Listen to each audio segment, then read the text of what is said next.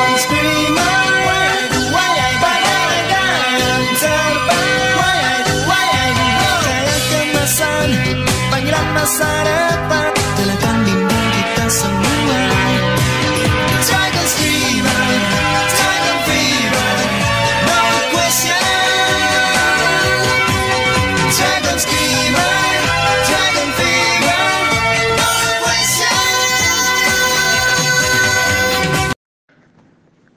Saya sengaja membuat materi spesial ini karena terinspirasi atas keberhasilan dari tim nasional matahari terbit kami kasih Jepang. Dan materi spesial ini sifatnya adalah trilogi. Jadi hari ini adalah episode pertama dan episode kedua hingga ketiga yang merupakan dua episode terakhir dari materi trilogi ini akan muncul di beberapa waktu kemudian di beberapa waktu yang akan datang. Materi kali ini mengenai Kapten Subasa yang menjadi inspiring untuk tim nasional matahari terbit. Karena seperti yang kita tahu di dunia nyata, di dunia realita, Jepang ini punya misi sebagai juara dunia di Piala Dunia tahun 2050. Dan mereka sudah mempunyai komposisi liga yang sangat teratur. Bahkan kalau kita lihat di Asia, J-League adalah salah satu liga papan atas di Asia. Tapi siapa yang menyangka bahwa sepak bola Jepang yang sudah sangat berkembang seperti sekarang berasal dari sebuah kartun anime. Kapten Subasa. Sebuah mimpi, sebuah cerita fiksi, fiction yang akhirnya menjadi realita, menjadi kenyataan. Kartun ini pasti banyak yang sudah mengetahui. Mulai dari anak-anak bahkan sampai pesepak bola terkenal sudah pasti tahu. Anime ini diciptakan oleh seorang Yoichi Takahashi di kisaran tahun 1970-an. Yoichi Takahashi punya ide ini karena dia juga menginginkan Jepang menjadi yang luar biasa untuk sepak bola. Karena berkaca di negara-negara di Eropa, Amerika Latin, tahun 1970 adalah tahun-tahun yang luar biasa, terutama untuk negara-negara Latin seperti Brasil dengan Pele-nya ketika itu dan juga Argentina yang menjadi salah satu kekuatan di Amerika Latin. Di Eropa ada Jerman Barat, ada Italia yang juga sangat luar biasa.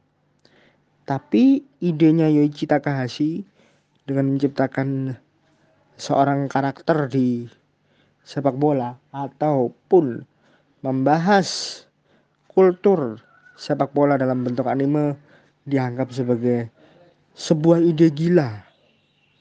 Kenapa gila? Karena ketika era itu Jepang masih menggandrungi olahraga macam sumo yang merupakan olahraga tradisional, lalu ada karate dan juga baseball. Seperti diketahui, ini untuk referensi saja. Di Jepang sana sepak bola bukanlah yang terfavorit. Tetapi juga ada baseball. Sama seperti di negeri tetangganya Korea Selatan yang juga mengandungi baseball dan olahraga tradisional seperti judo sebagai olahraga yang favorit di sana. Sepak bola bukanlah olahraga yang paling digemari, tidak seperti di negara-negara lain terutama di Asia Tenggara atau di Eropa. Apa yang menjadi pemicu utama? Yang menjadi pemicu utama dari idenya Yoichi Takahashi adalah dream, mimpi. Yang muncul dalam kepala Yuichi Takahashi di saat dia menonton pagelaran Piala Dunia 1978 di Argentina. Ketika itu, sang penulis punya mimpi besar, yakni menyaksikan negaranya tampil di turnamen sekelas Piala Dunia. Lantas, Takahashi mulai menuangkan idenya dengan menciptakan karakter utama bernama Osora Tsubasa. Untuk lebih mengikat pembaca, Takahashi membuat Tsubasa sangat erat dengan sepak bola. Saking terkenalnya, ada satu jargon yang pasti semua sudah kenal. Bola adalah teman. Bahkan ada satu ide yang absurd menurut saya, ide yang cukup gila karena diceritakan pada usia satu tahun Subasa selamat setelah ditabrak bus karena memeluk bola. Selamatnya karena memeluk bola. Cerita ini muncul pertama kali pada majalah mingguan Shonen Jump dan hingga saat ini tidak kurang dari 15 serial manga, 6 seri anime, 4 film panjang, 14 game multi konsol dan berbagai macam mainan memorabilia mengenai Subasa sudah terbit. Ini membuktikan bahwa karisma sang kapten masa depan selalu berada di hati penggemarnya, hati para pecintanya. Bahkan di Piala Dunia 2018 Rusia yang lalu, Federasi Sepak Bola Jepang Japan Football Association membuat jersey timnas secara khusus yang menempatkan beberapa foto karakter anime ini pada nomor punggung di jersey tersebut. Lalu bagaimana dengan dampaknya dari film ini? Semua berawal dari tahun 1980-an, tepatnya 88 Meskipun pada waktu itu Jepang masih belum diperhitungkan dalam kancah sepak bola internasional di tahun 88. Mereka butuh waktu 4 tahun. 1992 Jepang berhasil meraih gelar juara Piala Asia. Dan itu semua diklaim karena keberhasilan film anime dari Kapten Subasa ini yang akhirnya mempengaruhi iklim masyarakat Jepang terhadap sepak bola. Seperti diketahui, anime film Kapten Subasa ini rilis pertama kali pada tahun 1981. Banyak yang interest, banyak yang tertarik untuk menyaksikan anime tersebut. Dan setelah itu, setelah anime itu selesai tayang, Japan Football Association mengembangkan satu cara untuk membina pemain-pemain muda menciptakan pemain-pemain muda yakni melalui sebuah kompetisi yang digelar mulai dari SD hingga SMA kompetisi antar sekolah. Karena cara ini adalah salah satu cara yang muncul di anime tersebut. Dan itu menuai hasil. Sangat-sangat menuai hasil. Karena pada akhirnya Jepang bisa meraih gelar juara Piala Asia ketika menjadi tuan rumah. Dan enam tahun berikutnya di tahun 98 mereka bisa lolos ke Piala Dunia untuk pertama kalinya.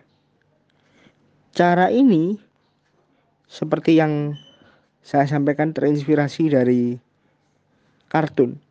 Karena di kartunnya sendiri, di animenya sendiri ada satu tokoh karakter bernama Katagiri Munemasa dia adalah salah satu key people, tokoh kunci yang ada di Federasi Sepak Bola Jepang untuk anime Kapten Subasa.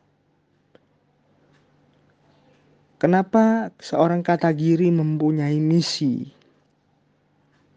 untuk menciptakan pemain-pemain muda Jepang? Karena dia pernah gagal saat membela timnas Jepang di kualifikasi Piala Dunia Zona Asia setelah kalah 0-3 dari Korea Selatan sumpah kata giri untuk mengorbitkan pemain-pemain muda yang bisa membuat Jepang berprestasi mencoba untuk diwujudkan.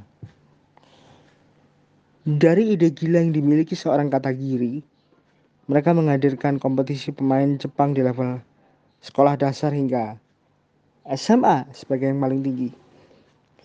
Dan dari kompetisi seperti inilah muncul nama-nama karakter seperti Subasa Ozora, Taru Misaki, Kojiro Hyuga, Genzo Wakabayashi, Ken Wakashimatsu, Makoto Soda, Chido Hiroshi, Jun Misugi, Hikaru Matsuyama dan masih banyak lagi pemain yang muncul dari kompetisi ini. Dan mereka-mereka inilah yang nantinya akan memperkuat timnas Jepang dan sudah juga ada di anime tersebut. Mereka pun juga berhasil memperkuat klub-klub elit bukan hanya di Jepang tapi juga di klub-klub besar. Contohnya di Eropa dan Amerika Latin. Sebutlah Subasa misalnya. Dia berada di FC Brancos dan Catalonia. Kalau FC, eh, FC Brancos dunia nyatanya adalah Sao Paulo sedangkan Catalonia adalah Barcelona. Genzo Wakabayashi berada di Groenwald di Hamburg SV Sedangkan Kojiro Hyuga dari Juventus. Nama animenya adalah FC Piemonte. Yang lainnya berada di squad J-League. Kalau dalam animenya ada yang memperkuat Urawa Reds, Jubilo Iwata, Consadole Sapporo, bahkan juga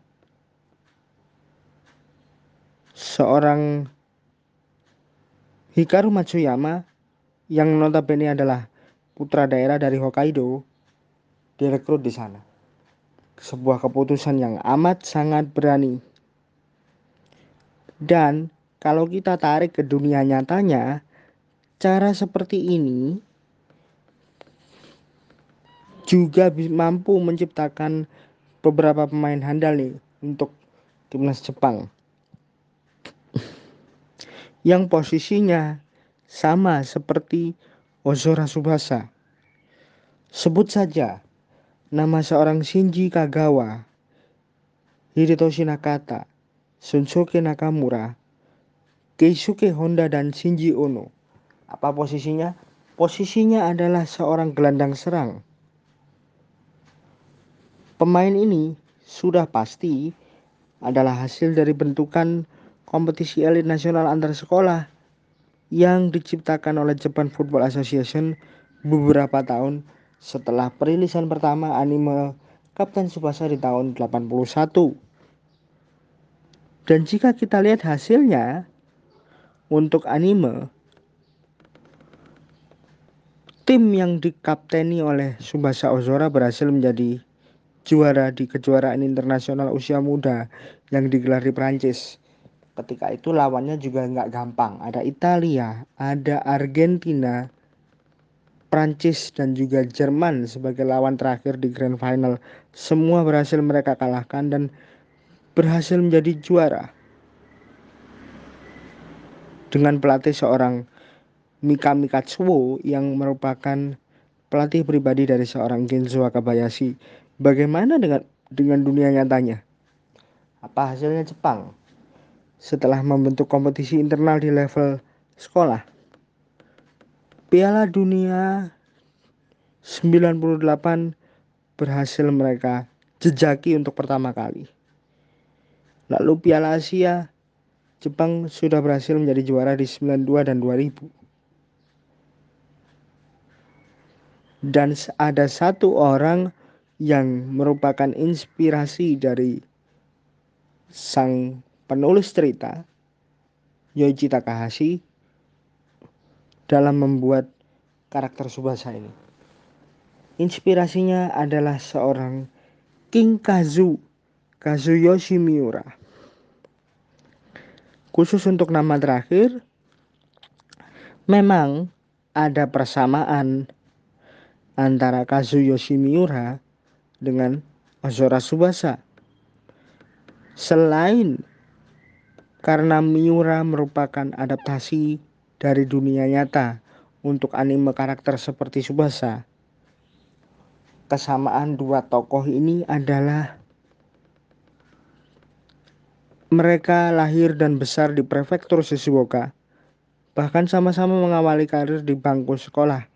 Bedanya, kalau Subasa Osora cara mengawali karir di Nankatsu, ya, FC Nankatsu, yang merupakan tim sepak bola antar sekolah di prefektur Shizuoka. Sedangkan Kinkazu, Kazuyo Shimiura, mengawali karir saat masa sekolahnya yakni di Shizuoka Gakuen Junior and Senior High School. Dan setelah lulus dari sekolah, keduanya langsung meniti karir profesional di Brasil. Kalau Subasa di Sao Paulo di FC Brancos, sedangkan Kazuyoshi Miura berada di Santos sebagai klub pertamanya di negeri Samba. Dan sedikit catatan pula, keberhasilan Subasa tak lepas dari tangan dingin seorang Roberto Hongo yang di dunia nyatanya diadaptasi dari nama seorang Tustau mengingat dua karakter ini adalah dua karakter yang sama-sama punya permasalahan pada kornea mata selama karirnya di sepak bola. Tetapi dari kecerdasan, Roberto Hugo adalah disebut juga sebagai seorang Socrates, gelandang top dari Brasil era 80-an. Tapi untuk karirnya sebagai talent scouter, apakah ada yang sama persis dengan Roberto Hongo dan bagaimana dampak berikutnya untuk sepak bola Jepang secara keseluruhan di dunia realita? Selengkapnya ada di episode kedua dari trilogi Kapten Subasa. Di episode kedua nanti akan saya jabarkan bagaimana dampak utuh dari anime ini baik itu dampak positif maupun negatifnya sekaligus mengupas siapakah karakter Roberto Hungo untuk talent scouter di dunia nyata. Sorotan trilogi sampai di sini dulu. Terima kasih sudah mendengarkan. Dan kesyur, happy weekend on Salor.